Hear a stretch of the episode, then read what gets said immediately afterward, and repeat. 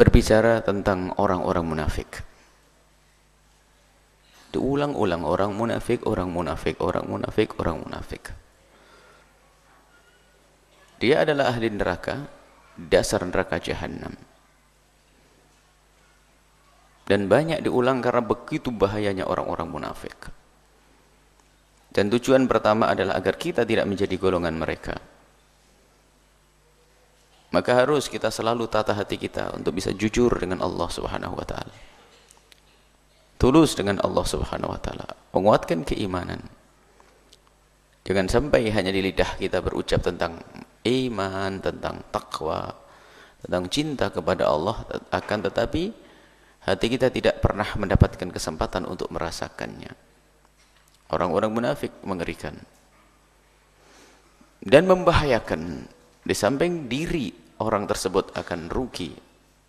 Tapi dia sangat membahayakan. Dan itu lebih membahayakan daripada orang-orang kafir yang nyata. Sebab kalau orang kafir yang nyata bukan munafik. Sangat jelas bajunya berbeda, tempat ibadahnya berbeda. Akan tapi kalau sudah orang munafik dia pakai lesan-lesan kaum beriman. Bahkan kadang berkumpul membuat program seolah-olah programnya orang yang beriman. Tapi ternyata dia adalah merusak merusak. Di dalam diri tubuh kaum muslimin. Dia pencuri di dalam rumah sendiri. Kalau pencuri dari luar tidak mudah untuk tahu keadaan di dalam rumah. Dan kalau mereka masuk pun orang di dalam rumah akan waspada dan berhati-hati. Akan tapi pencuri yang ada di dalam rumah sendiri, dia akan lebih tahu keadaan yang punya rumah. Kapan bangun, kapan tidur, kapan pergi, kapan tiba. Maka lebih berbahaya. Itulah orang-orang munafik. Dan mereka itu disebutkan oleh Allah Subhanahu wa taala. Wa idza ja'ukum kalau mereka itu datang kepadamu waktu mereka berikrar untuk masuk Islam atau bergabung kepadamu Nih, kamu di sini adalah orang yang beriman. Di dalamnya adalah Nabi wasallam.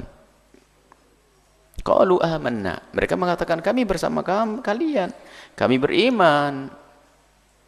Jadi mereka ya beriman ngaku pakai KTP Islam, KTP beriman, bahkan kadang juga ber, berurusan dengan dengan perkumpulan kaum muslimin. Kalau zaman dulu hanya perkumpulan, belum ada ormas-ormas begitu. Berkumpul dengan perkumpulan kaum muslimin bergabung dengan kaum muslimin lakin dakhalu mereka masuk Islam masuk bersama komunitas kaum muslimin bil kufri dengan kekafiran yang tersembunyi di dalam hatinya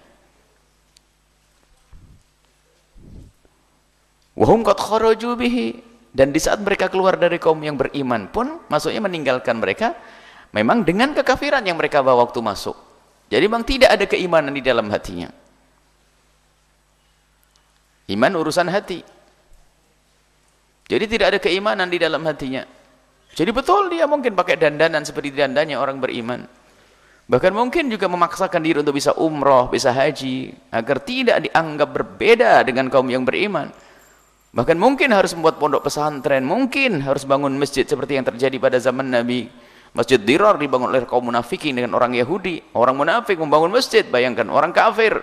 Orang Yahudi membangun masjid membantu pembangunan masjid bersama orang-orang munafik mereka memang sengaja membuat simbol-simbol yang ditampakkan, ditonjolkan, syiarkan untuk dianggap sebagai orang yang beriman akan. Tapi di balik itu semua adalah kekafiran. Karena mereka masuk membangun itu semua dengan kekafiran mereka. Dan mereka keluar pun dengan kekafiran. Artinya mereka kekafiran tidak pernah lepas dari mereka Artinya kekafiran itu yulazimuhum. Kekafiran itu selalu ada bersama mereka. Biarpun mereka dalam keadaan sujud, ketahuilah sujudnya pun bukan untuk kepada Allah, tapi sujudnya adalah untuk mengelabui kaum beriman.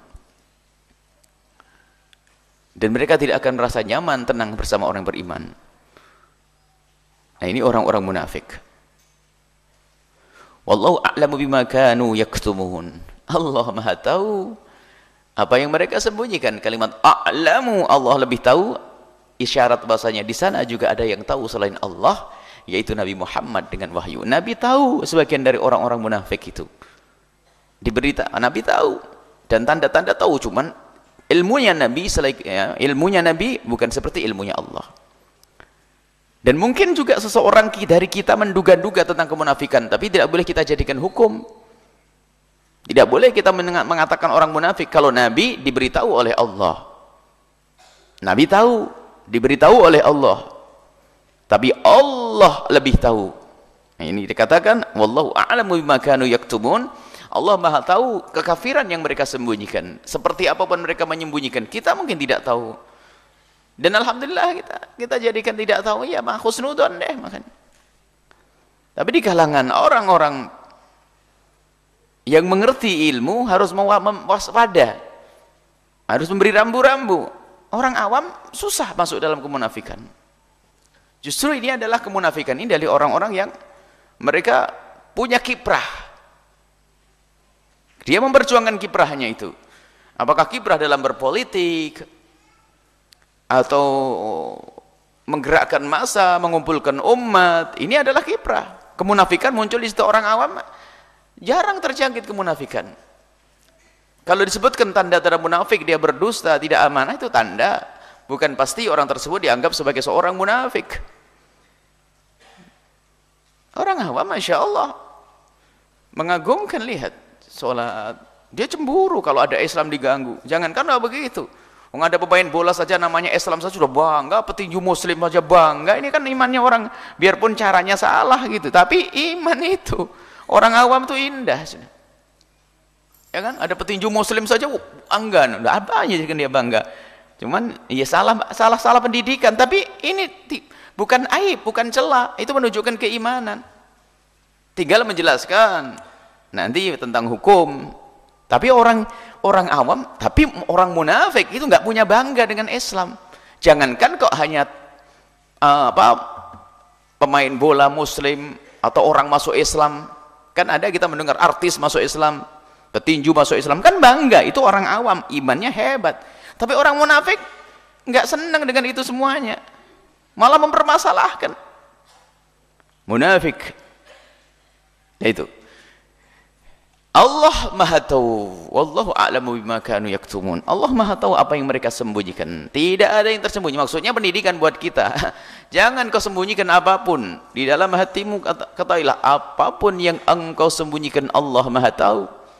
Kemunafikan lihat. Alangkah ruginya.